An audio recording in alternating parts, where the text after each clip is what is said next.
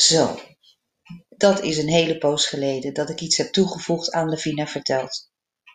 Niet omdat ik niets te vertellen had, want als het daarom gaat, denken de meeste mensen in mijn omgeving dat ik ooit ben ingeënt met een grammofoonnaald. Een inenting die overigens lang stand heeft gehouden, want de meeste van de huidige generatie weten al niet eens meer wat een grammofoon is. Laat staan wat je dan met zo'n naald aan moet. Ik ga het niet uitleggen. De mensen die mij volgen zullen het ongetwijfeld weten. De naald en de enting zijn ook gelijk mijn bruggetje naar het verhaal dat ik vandaag neer wil zetten.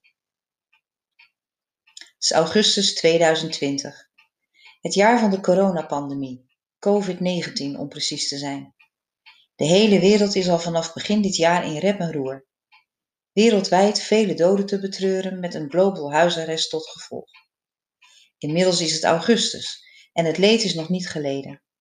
Regels worden opgesteld en overtreden, met als gevolg dat we straks weer massaal aan huis gekluisterd zijn, met alle psychische en economische gevolgen van dien. Er wordt natuurlijk naast gezocht naar een vaccin die deze ellende op moet gaan lossen, maar alle knappe koppen van de wereld bij elkaar maken nog geen tovenaar. Dus we moeten deze nare rit uitzitten. En dan allemaal een prik om verder leed te voorkomen. Nu ben ik, net als velen, niet echt een fan van naalden, behalve dan die waarmee je kunt haken. Ben oud en wijs genoeg om als het nodig is zo'n handeling over me heen te laten kopen, komen, zonder er een drama van te maken. Maar dat is wel eens anders geweest. Alhoewel, toen ik vier jaar was, moesten mijn amandelen worden geknipt. Geen idee wat me te wachten stond, dus ik ging samen met mijn moeder naar het Klare ziekenhuis in Rotterdam. De baas van mijn vader was zo lief ons met de auto te brengen.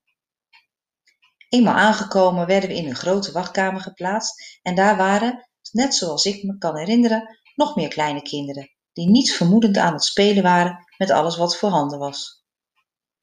Ik was nu niet bepaald een doortastend kind dat meteen het voortouw nam, wat overigens later in mijn leven helemaal goed gekomen is, dus ik overzag alles eens met een ernstige blik.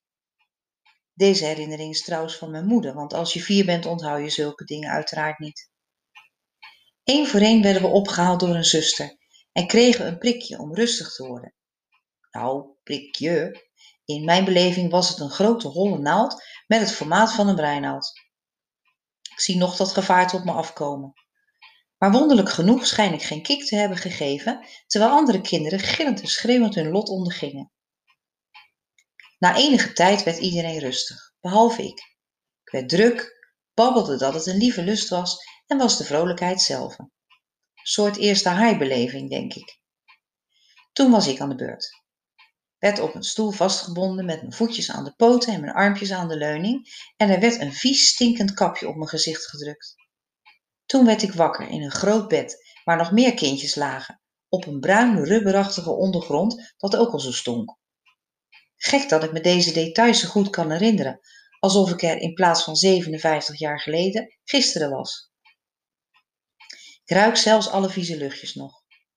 Half dronken van de eter, of wat het ook was geweest, werd ik in een deken gewikkeld en naar de auto gedragen. En ik was boos, heel boos. Ondanks de pijn in mijn keel schreeuwde ik opeens heel hard: Die teringzusters! Mijn moeder was totaal in shock. En we hebben in ons thuis nooit gevloekt. En ze had ook geen idee waar ik deze term plots vandaan had. Nou had ze ook mooi iets om nooit te vergeten. Thuis stonden er een schoon bedje en mijn lieve oma voor me klaar om voor me te zorgen, met alle liefde en bezorgdheid. Maar er was geen land met me te bezeilen. Zelfs de mooie schildpadpop, wat overigens geen pop was die op een schildpad leek, maar van een sterk celluloid dat geblazen werd en een vervanging was van een porseleinen pop, die ze voor me hadden gekocht en een flinke duit moest hebben gekost. Het kon me niet troosten. De vele ijsjes die me werden gevoerd deden dat uiteindelijk wel, omdat die de pijn een beetje verzachten. Nee, het was geen fijne jeugdherinnering, dat knippen van de amandelen. Eerder een traumatische. En menigeen zal zich dat ook nog herinneren uit die tijd.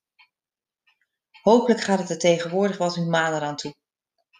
De medische wetenschap is in de jaren met gigantische sprongen vooruit gegaan. Gelukkig maar.